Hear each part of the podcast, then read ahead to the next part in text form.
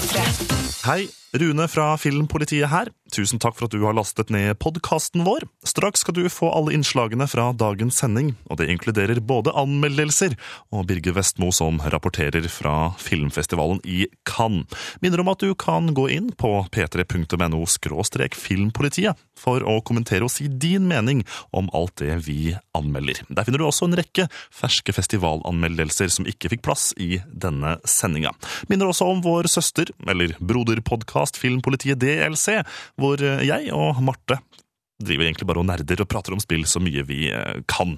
Nok om det. Her får du dagens sending.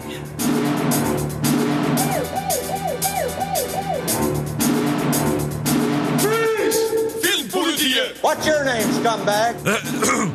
Rune Håkonsen, sir. I am Gunnery Sergeant Hartman, your senior drill instructor. From now on, you will speak only when spoken to.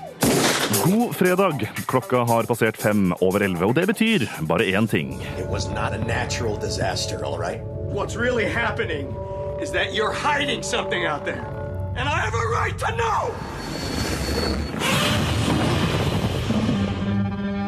Godzilla og Filmpolitiet har tatt over din radio her på NRK P3. Om ti minutter skal du få dommen over Gareth Edwards' nye monsterfilm, som begynte på norske kinoer på onsdag. I tillegg skal du selvsagt få siste nytt fra filmfestivalen i Cannes.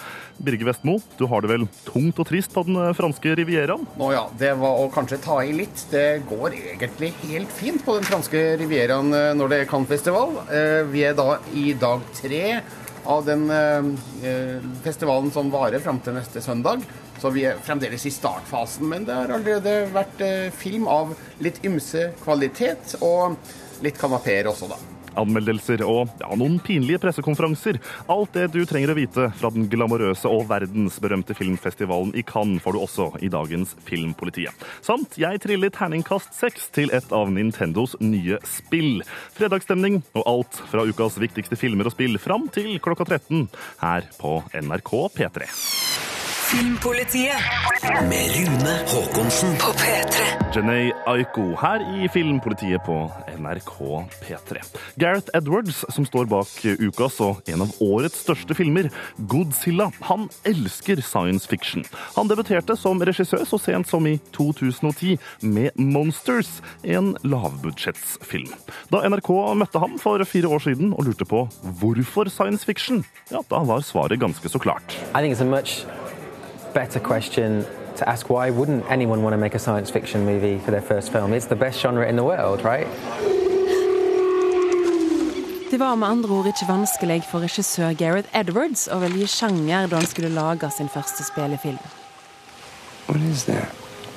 Problemet var derimot at budsjettet var lågt med lite penger til spesialeffekter. Løsninga ble at han sjøl designa monstre i filmen. I drew hundreds and hundreds, and I got it down to about 140, and I put them all over the wall. Of, um, well, I mounted them, and we brought them into the office where the producers were. Because I couldn't see the woods for the trees, I was like blind to it. I was like, "Look, which one looks good to you guys? Because I'm happy with any of these, you know." And it was like this really strange beauty pageant where they had to pick a creature. Fra et budsjett på omkring tre millioner kroner for sin første film Monsters økte pengesekken til nærmere én milliard norske kroner for Godzilla. Du hørte Gareth Edwards i et intervju fra 2010. Reporter var Svanhild Sveinsdotter Grov og Mona B. Riise. Så hvordan har han brukt de nesten 1000 millioner kronene? Filmpolitiets dom over Godzilla får du straks her på NRK P3. Filmpolitiet anmelder film. I want to talk to somebody in charge. You are not fooling anybody when you say that what happened was a natural disaster. Fra Gareth Edwards' debut som regissør med Monsters i 2010 til hans andre film har budsjettet økt med over 32 000 Enorme pengesummer til tross. Den britiske regissøren har beholdt sansen for både drama og eventyr i Godzilla. Denne amerikanske relanseringen av den velkjente og langtlevende japanske kultfilmserien er den første siden Roland Emmerich sin 1998-film med samme navn. 2014-versjonen er langt mer spennende og en mer selvbevisst adopsjon, med både referanser i behold og effekter av ypperste klasse.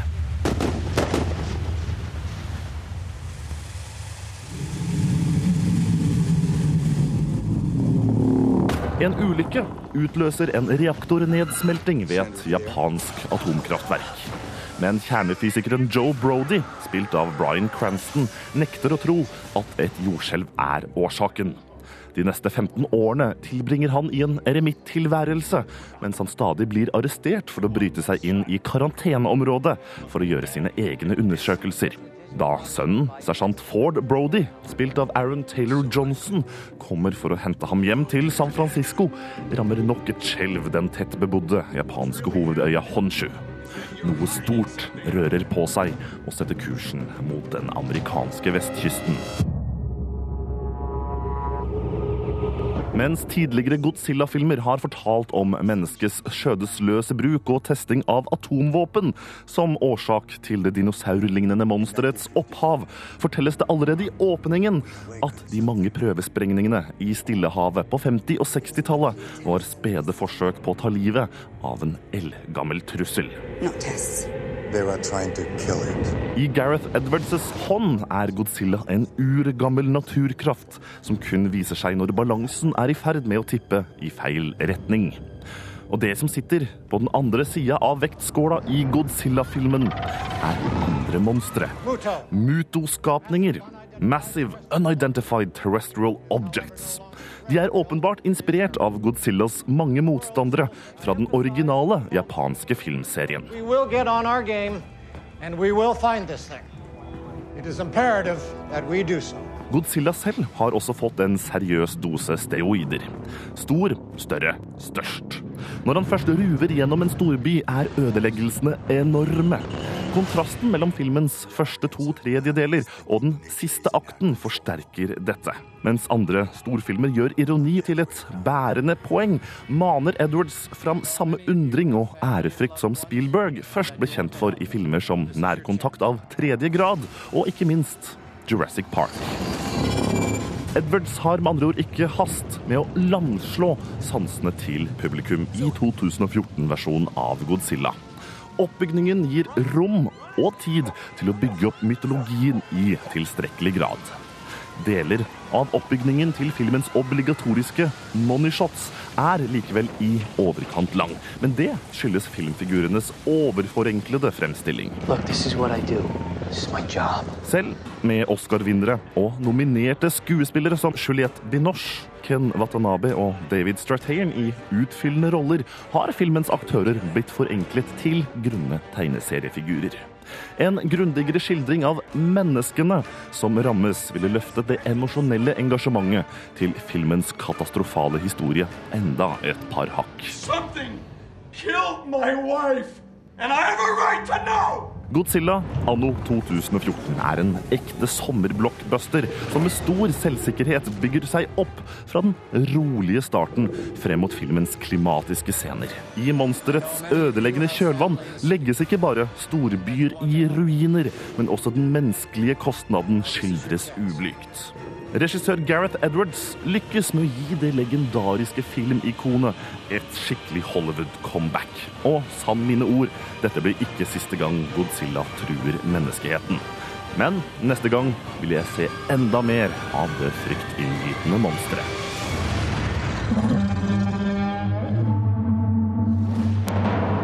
Terningkast fem. Pavlada skriver i kommentarfeltet på anmeldelsen på våre nettsider, som du finner på p3.no skråstrek filmpolitiet. Jeg får sterke Pacific Rim-vibber av traileren og anmeldelsen, som igjen i mine øyne er en bra ting. Ja, jeg likte i hvert fall filmen godt, så jeg anbefaler den til deg, Pavlada. Lars Hansen skriver også hadde den ikke vært bedre enn 1998-versjonen, ville jeg blitt veldig overraska. Gleder meg til filmen, men med en smule skepsis, ettersom jeg tror den voldsomme skuffelsen fra forrige film gjør at man godtar mer med denne. Ja, Lars, hvis du går og ser filmen, kom gjerne tilbake til kommentarfeltet og gi oss din anmeldelse. Hvis du som hører på Filmpolitiet akkurat nå har sett filmen, så vil jeg gjerne også at du går inn på p3.no filmpolitiet og deler din mening om Godzilla. P3. Carpe Diem piano er i Filmpolitiet på NRK P3, hvor jeg, Rune Håkonsen, er vikar for Birger Vestmo. Eh, Birger, du har rett og slett eh, tatt på deg solhatten og reist sørover til den verdensberømte filmfestivalen i Cannes. Hva er det som har eh, fått mest oppmerksomhet nå da i festivalens åpningsdager? Ja, det er rett og slett åpningsfilmen 'Grace of Monaco', som ble vist her på onsdag. Og den har da ikke fått oppmerksomhet fordi det er en klassiker. Snarere tvert imot. Den har fått mye omtale fordi den er så dårlig. Det er vel sjelden at en åpningsfilm her i Cannes har fått så mye slakt og kjeft som Grace of Monaco har fått. Så det var nesten en litt sånn pinlig stemning på pressekonferansen etter filmen der eh, Nicole Kidman og eh, regissør Olivier Dahan og sånt eh, skulle liksom snakke pent om filmen, samtidig som de vet at mottakelsen har vært ekstremt laber. Ja, for i salen når filmen ble vist, så kan publikummet er berykta for å ikke være beskjedne med å si sin mening. Hva er det som skjedde i salen etter filmvisninga? Nei, etter visninga så ble det bua, og det er ganske et ganske godt tegn på hvordan filmen generelt sett er likt. da. Eh, kan, eh, publikummet går ikke av banen for å bue og si høylytt hva de mener, og det fikk Grace of Monaco unngjeld for da etter pressevisninga på onsdagsmorgenen. Så um, det, det, kan også slå andre veien, selvfølgelig. Hvis publikummet i Cannes liker en film, så får den også jubelrop. Men det skjedde ikke på Grace of Monaco, og det starta vel egentlig før filmen var over også, fordi underveis så var det en del tilløp til latter. Uh, der det nok ikke var meninga at publikum skulle le. Så litt ufrivillig komisk var det vel en del som syntes at Grace of Monaco var. Filmen har norsk premiere neste uke. Eh, men likevel, altså. Åpningsfilmen på Cannes. Hvordan kan det ha seg da at en, en så dårlig film eh, blir valgt ut til den prestisjefylte åpningsplasseringen på, på verdens viktigste filmfestival? Det er nok fordi eh, filmen passer veldig bra for Cannes. For det første, Nicole Kidman i hovedrollen. Stor stjerne, glitter og glamour. For det andre så er jo da filmens handling linka til filmfestivalen i Cannes. Grace Kelly var jo her i 1955 da hun møtte prins eh, Rainier for første gang. Og um, gifta seg året etter da i Monaco, som er bare en liten times kjøretur herifra. Så um, på papiret så er det mye som virker veldig riktig for uh, filmens del i forhold til filmfestivalen i Cannes. Og så visste man jo at Olivier Dahan hadde regissert en film basert på en virkelig figur tidligere, nemlig 'La vie en rose' om Edith Piaf, og den var jo veldig god. Så eh, det er ikke rart at eh, festivalen ønska 'Grace of Monaco' som åpningsfilm. Dessverre så har det vel vist seg at det var en eh, såkalt backfire. Filmen har norsk premiere neste fredag. Din slakt av Grace of Monaco skal vi straks få høre her i Filmpolitiet. Filmpolitiet anmelder film.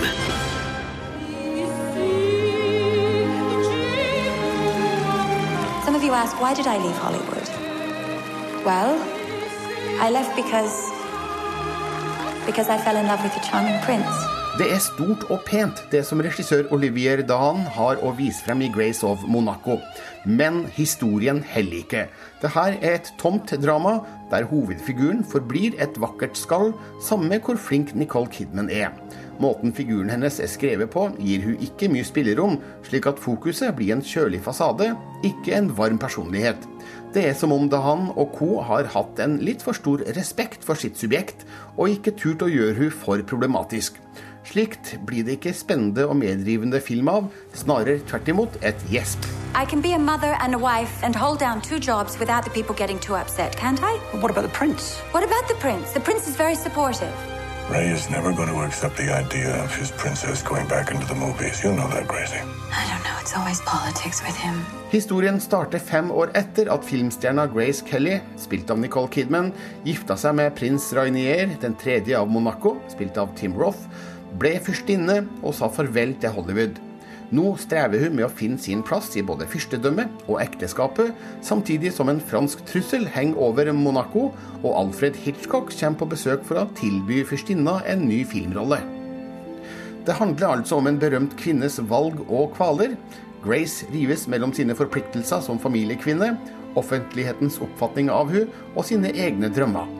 Tingene ligger til rette for store emosjonelle oppgjør, men handlinga føles merkelig kjølig.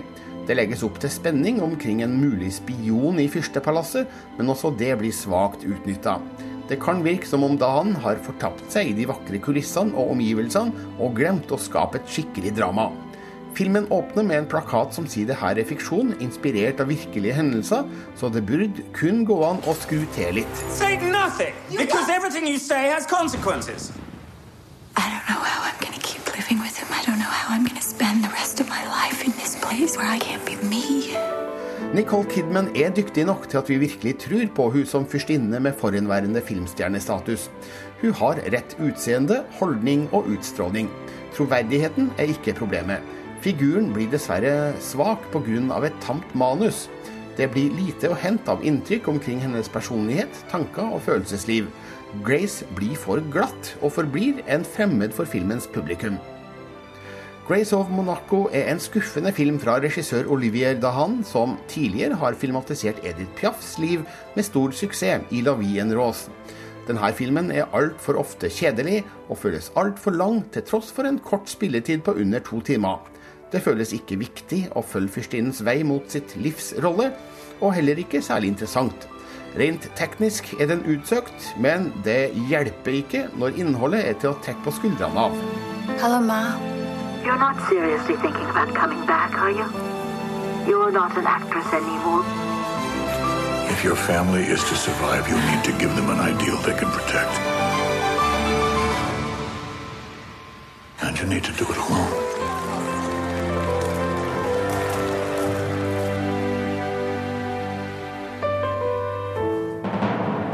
Terningkast to.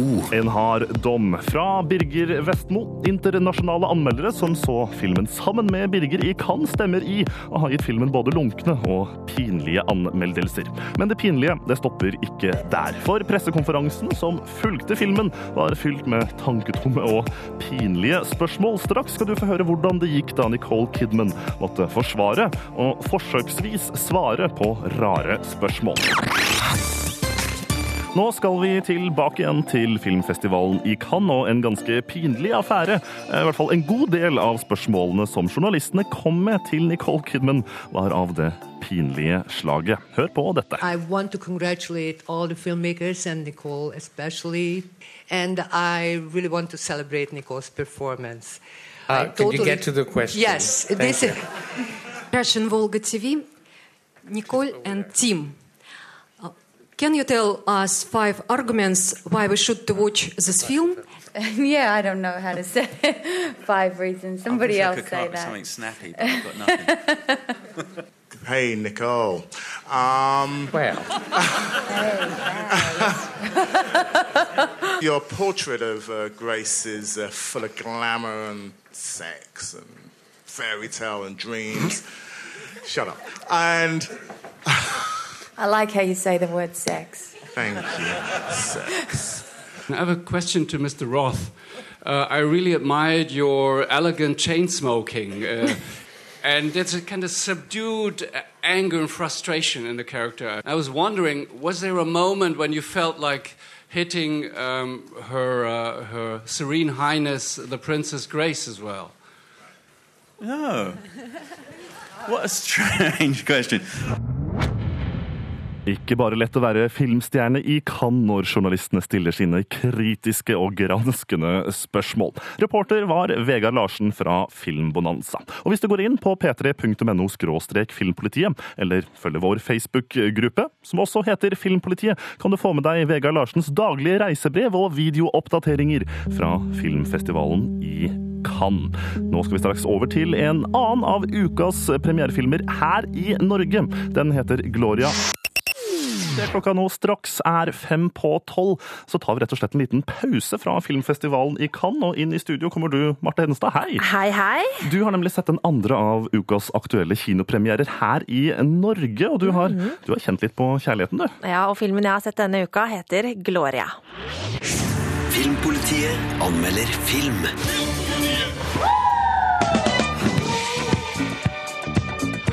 No te puedo, no, no te saco de mi cabeza, estoy todo el tiempo pensando en ti. Es algo tan físico, tan, tan concreto lo que me pasa contigo. Susana. ¿Y estás separado o no estás separado? Det hørtes ut som en litt diskoaktig film, men beskrivelsen får meg til å tenke at den er litt trist også. Ja, for det her handler jo om da Gloria, som er i slutten av 50-åra. Hun er eh, en skilt dame med to voksne barn som ikke har så veldig mye tid til henne lenger. Og jobben er liksom det vanlige, gamle, trauste, og hun er litt sånn ensom. Men uh, likevel så er det her en kjempetrivelig film. Jeg, jeg ser at du smiler jo så bredt nå at du nesten går helt Ja. rundt hodet. Så, så kjærleiken den traff deg rett Ja, i hjertet? altså, uh, eh, det som er da til Gloria, som eh, da spilles av Paulina Garcia, som for øvrig vant Sølvbjørnen Berlinalen i fjor. Også filmen var jo også da det chilenske bidraget til eh, da beste utenlandske film under Oscar-utdelinga. Ja, riktig. Og hun spiller veldig veldig godt som Gloria, som er liksom på søken etter noen å, å dele sine eldre dager med. Eh, og hun møter da en mann eh, som heter Rodolfo, eh, og han eh, romantiserer henne veldig i starten. og Han er stormforelsket, og det, det er en del sånne herlige, men kanskje litt kleine scener om kjærlighet mellom eh, to eh, eldre mennesker. Jeg tenker veldig fort at det her er litt sånn latinamerikansk lidenskap som Ja. virkelig kommer til overflaten. da. Ja, virkelig, virkelig er det det eh, i starten. Men så viser det seg litt etter hvert da, at Rodolfo han, han sier han er skilt, men han sliter tydeligvis en del med å løsrive seg fra ekskona si. Og dette skaper jo da selvfølgelig trøbbel. Og så må da etter hvert Gloria på en måte steppe it up og få litt sånn girl power inni det her og ta kontroll over sitt eh, eget liv og, og klare å gjøre seg sjøl lykkelig på sine egne premisser. Og, og det, er, det er rett og slett Paulina Garcia som gjør at denne filmen er så trivelig, for hun spiller så eh, vanvittig godt og så troverdig. Um, og jeg, liker spesielt godt er en, Hun er veldig glad i musikk og dans, eh, denne Gloria. Og det er en del sånne små pusterom i filmen hvor hun kjører bil på vei til og fra jobb. Og hun sitter og liksom synger av full hals i, i bilen, og det er på en måte hennes små øyeblikk av, av lykke i hverdagen. Og I bakgrunnen her hører vi en av låtene fra filmen. Mm. La oss ta et lite øyeblikk og høre på hvordan det svinger for eh, chilenske damer i 50-åra.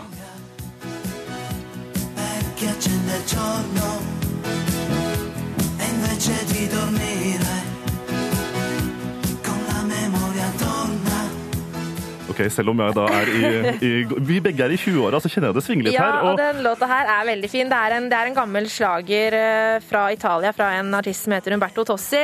Og den heter jo da Gloria, og refrenget lyder jo da Gloria. Og det, det, jeg blir så glad av å høre. Ok, Marte, Vi er i 20-åra, men likevel, hva slags terningkast vil du gi til eh, skal vi si, denne kjærlighetshistorien om, om en dame i 50-åra som, som får sin, eh, en ny runde ut på, på livet? da? Vet du hva, Jeg håper at eh, jeg er like kul som Gloria når jeg nærmer meg 60, så det blir terningkast fem. Gloria har altså premiere på norske kinoer i dag, sammen med Godzilla. Litt sånn Litt forskjellige, Litt forskjellige filmer, men dommen ble altså Terningkast fem. Let me tell you why you're here. You're here because you know something. That there's something wrong with the world. You take the blue pill. The story ends. You wake up in your bed and believe whatever you want to believe. You take the red pill. You stay in Wonderland. And I show you how deep the rabbit hole goes. Filmpolitiet anmelder spill.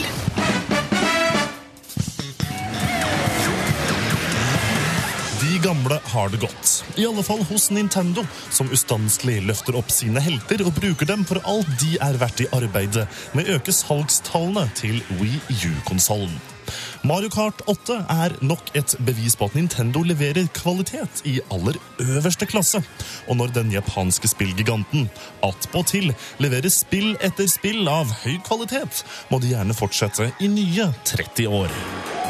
16 nye baner og 16 remiksede klassiske baner fra spillseriens over 20 år lange historie utgjør hovedattraksjonen i det åttende spillet i Mario Kart-serien siden 1992. Nyvinningen, som bokstavelig talt snur alt på hodet, er introduksjonen av egne antigravitasjonsfelt som lar spillere klatre opp på både vegger og i tak. En liten endring i spillseriens fastsatte format, som gjør store endringer i opplevelsen av de intense og fargerike løpene. Mario og vennene kappkjører i Mario Kart 8, som navnet antyder, på gokarter og andre doninger. Underveis i løpene kan alle spillere plukke opp hjelpemidler som fartssopper og superstjerner, og våpen som skilpaddeskall og lynangrep. Bruken av disse påvirker løpene kraftig, og brukes av spillet til å jevne ut ferdighetene mellom erfarne og uerfarne spillere. Muligheten til å velge spillkontroller både Gamepad, WeMote, Classic og Wii U Pro-kontrolleren kan tas i bruk. Dette gjør terskelen ekstra lav for nye spillere. Ulike kontrollsystemer til tross, presisjonsopplevelsen er like god. Og det er et kritisk punkt i Mario Kart 8. Et knappetrykk lar deg hoppe over mindre hindringer, men mer viktig er det å bruke hoppknappen til å legge breisida ut og sladde deg gjennom svingene. En velutført sladd gir fartsbonuser som er helt nødvendige for å mestre og vinne løpene i spillet. Det samme får du av å ligge i kjølvannet bak en annen spiller. Opptil fire kan konkurrere mot hverandre lokalt på én TV-skjerm, mens opptil tolv kan spille mot hverandre over nett. Og det er et faktum at Mario Kart 8, i likhet med andre spill i serien, er morsomst i konkurranse med andre mennesker. Med HD-grafikk, farge- og fantasirike omgivelser, helsprø og tidvis psykedeliske baner ser Mario Kart 8 fabelaktig ut på Wii U-konsollen. Kombinert med en uovertruffen følelse av mestring og innimellom frustrasjon er det trygt å konkludere med at Mario Kart 8 er spillseriens beste utgivelse på mange år. Terningkast 6. Les mer om film, spill og serier på p3.no Filmpolitiet. Mario Kart 8 kommer ut i Norge og i Europa den 30. mai. Og når jeg gir terningkast 6, så er det en helhjertet anbefaling til alle dere som har en Nintendo Wii U-konsoll. Straks her i Filmpolitiet skal vi over til Kickstarter, eller rettere sagt resultatet av en Kickstarter-kampanje. For Veronica Mars-filmen er nå ute. Vår dom over den får du om ca. syv minutter her i Filmpolitiet på NRK P3. P3. Dette er Filmpolitiet på P3. He said phone. E.T. Home phone. E.T. phone home. Siden TVs Veronica Mars ble kansellert i 2007, har både fansen og serieskaper Rob Thomas prøvd å få til en fortsettelse på historien om den unge privatdetektiven som løste mysteriet om hvem som drepte bestevenninna, og dermed ble bitt av etterforskningsbasillen. I 2013 kom drømmen et langt stykke på vei til å bli virkelighet, da Rob Thomas samlet inn to millioner dollar på ti timer via Kickstarter for å lage en helaftens spillefilm om Veronica Mars. Nå er filmen ute på Blu-ray og DVD i Norge, og her får du Marte Hedenstads dom. You were issued a private investigator's license for your 18th birthday? What do you think that says about a person? Compulsive, addictive personality, but that's not me anymore. Den unge privatdetektiven Veronica Mars er tilbake i en helaftens spillefilm. Og dette er et gjensyn gamle TV-seriefans kommer til å bli fornøyde med. Filmen er spekka med referanser til den gamle serien, som nok vil gå over hodet på deg om du ikke har sett den. Men jeg tror likevel Veronica Mars vil underholde et større publikum enn bare fansen. For dette er en morsom og lettbeint, men likevel spennende detektivfilm med en sjarmerende hovedrolle i spissen.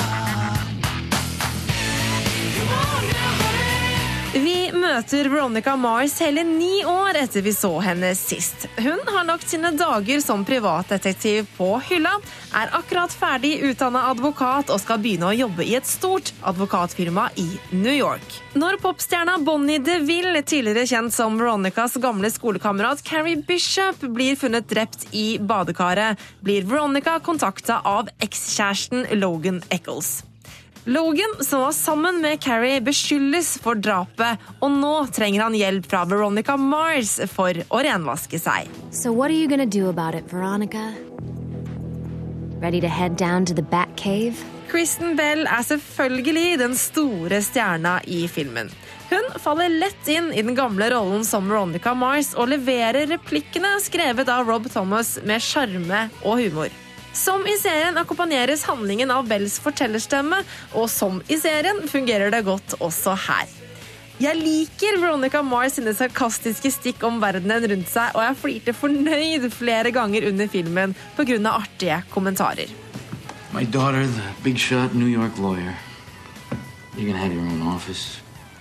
You have your own office. You'll be respected. You're respected.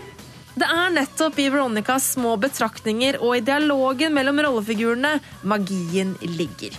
Jeg kjenner at jeg ikke bryr meg så forferdelig mye om selve krimsaken.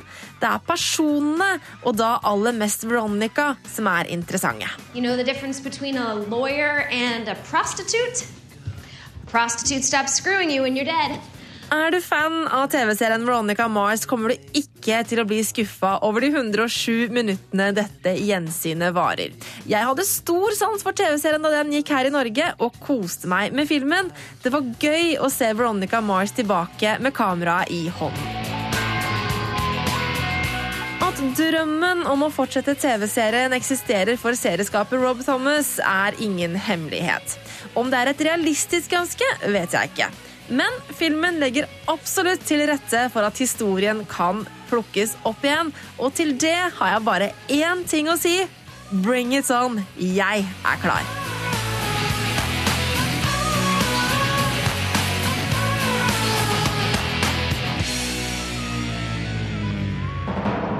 Terningkast fem. Marte Hedenstad var stor fornøyd med Veronica Mars-filmen. Og hvis du som hører på nå har sett den og har lyst til å si din mening, da går du inn på p3.no skråstrek filmpolitiet. Heidi Sleire har lagt inn en kommentar under anmeldelsen til Marte og skriver «Eh, jeg må faktisk si jeg ble litt skuffa over filmen. Følte at den manglet mye av sjarmen som gjorde at jeg ble glad i serien i utgangspunktet. Så den traff ikke helt blink. Hvis du har lyst til å si din mening, altså, gå inn på p3.no skråstrek filmpolitiet. Klokka den er passert ti på halv ett, og nå skal vi straks tilbake til filmfestivalen i Cannes.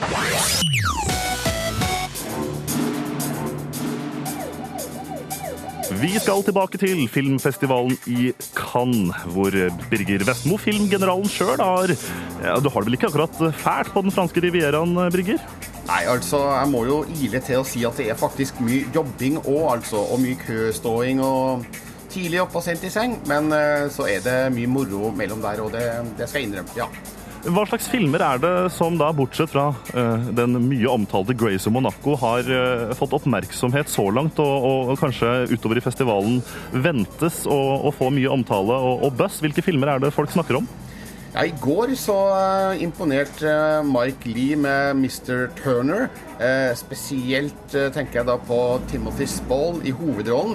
Og jeg har allerede hørt det blitt snakka om at han kan være en mulig kandidat til en skuespillerpris når festivalen avsluttes neste helg. Det er da en film om den britiske maleren Joseph Turner, som levde på 1800-tallet. Eh, ellers, i dag vises eh, The Captive av Atom Egoyan, som er en anerkjent regissør. Eh, Ryan Reynolds spiller hovedrollen. Kanskje ikke fullt så anerkjent eh, i, i Cannes-sammenheng, men eh, det kan bli spennende å se hva han får til der. Og så skal den danske westernfilmen The Salvation eh, vises i dag. Der spiller Mats Mikkelsen hovedrollen som dansk eh, nybygger i eh, Det ville Vesten. Christian Levring har eh, regien eh, på den. Eh, I morgen så er det nok en film om moteskaperen Yves Saint Laurent som skal vises. Det ble jo vist en film om han under Berlinfestivalen også, men det er altså da en helt ny en i regi av Bertrand Bonello.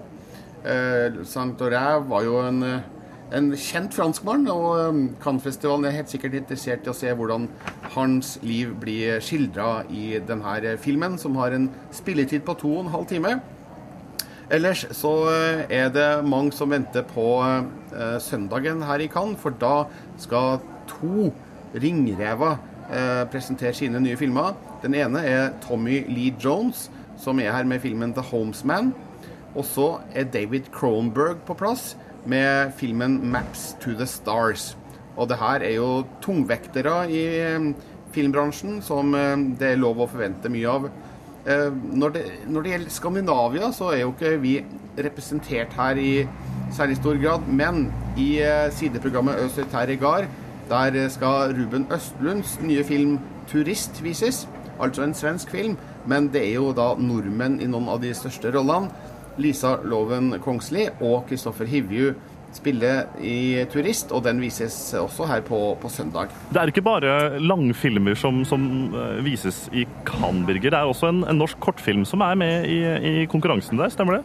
Ja, det er helt riktig. Den heter 'Ja, vi elsker' og er regissert av Halvard Witzøe, som eh, vant en student-Oscar for sin forrige kortfilm 'Tuba Atlantic'.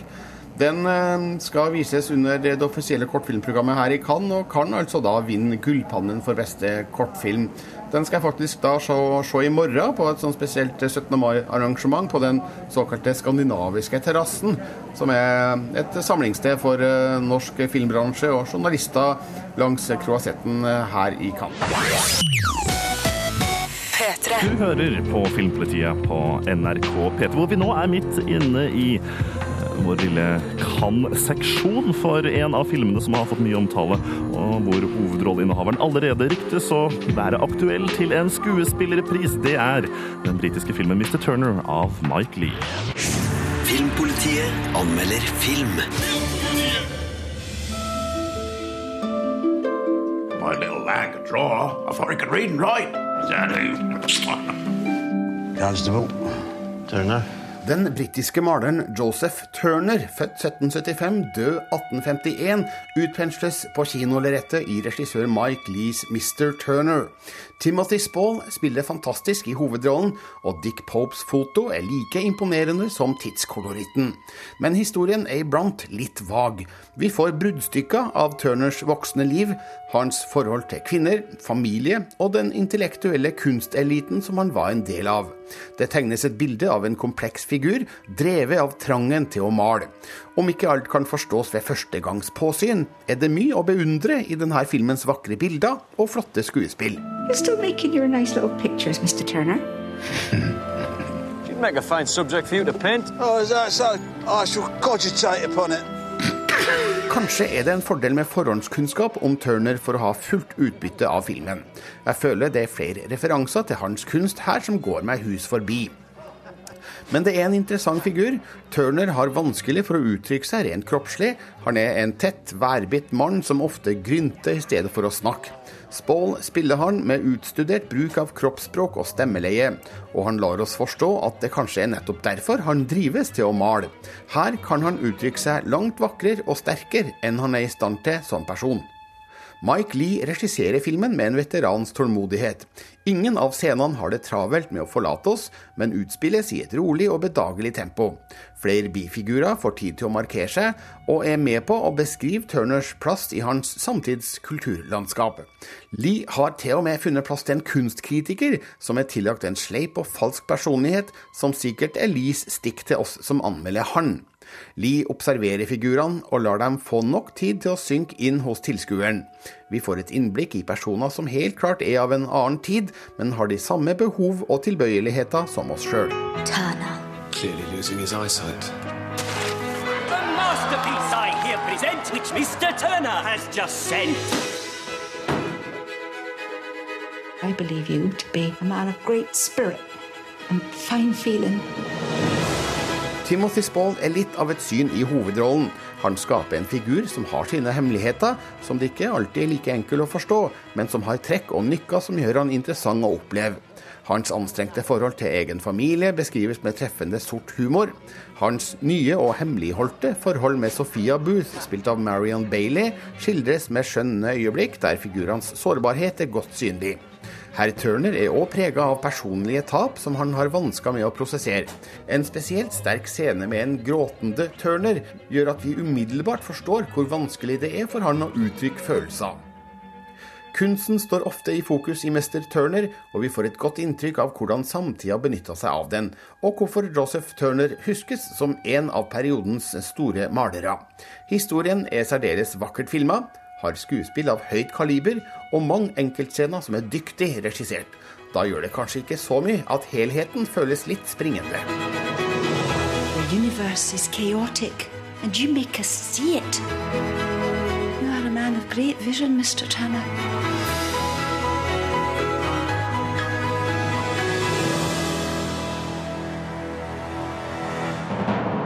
Terningkast fire.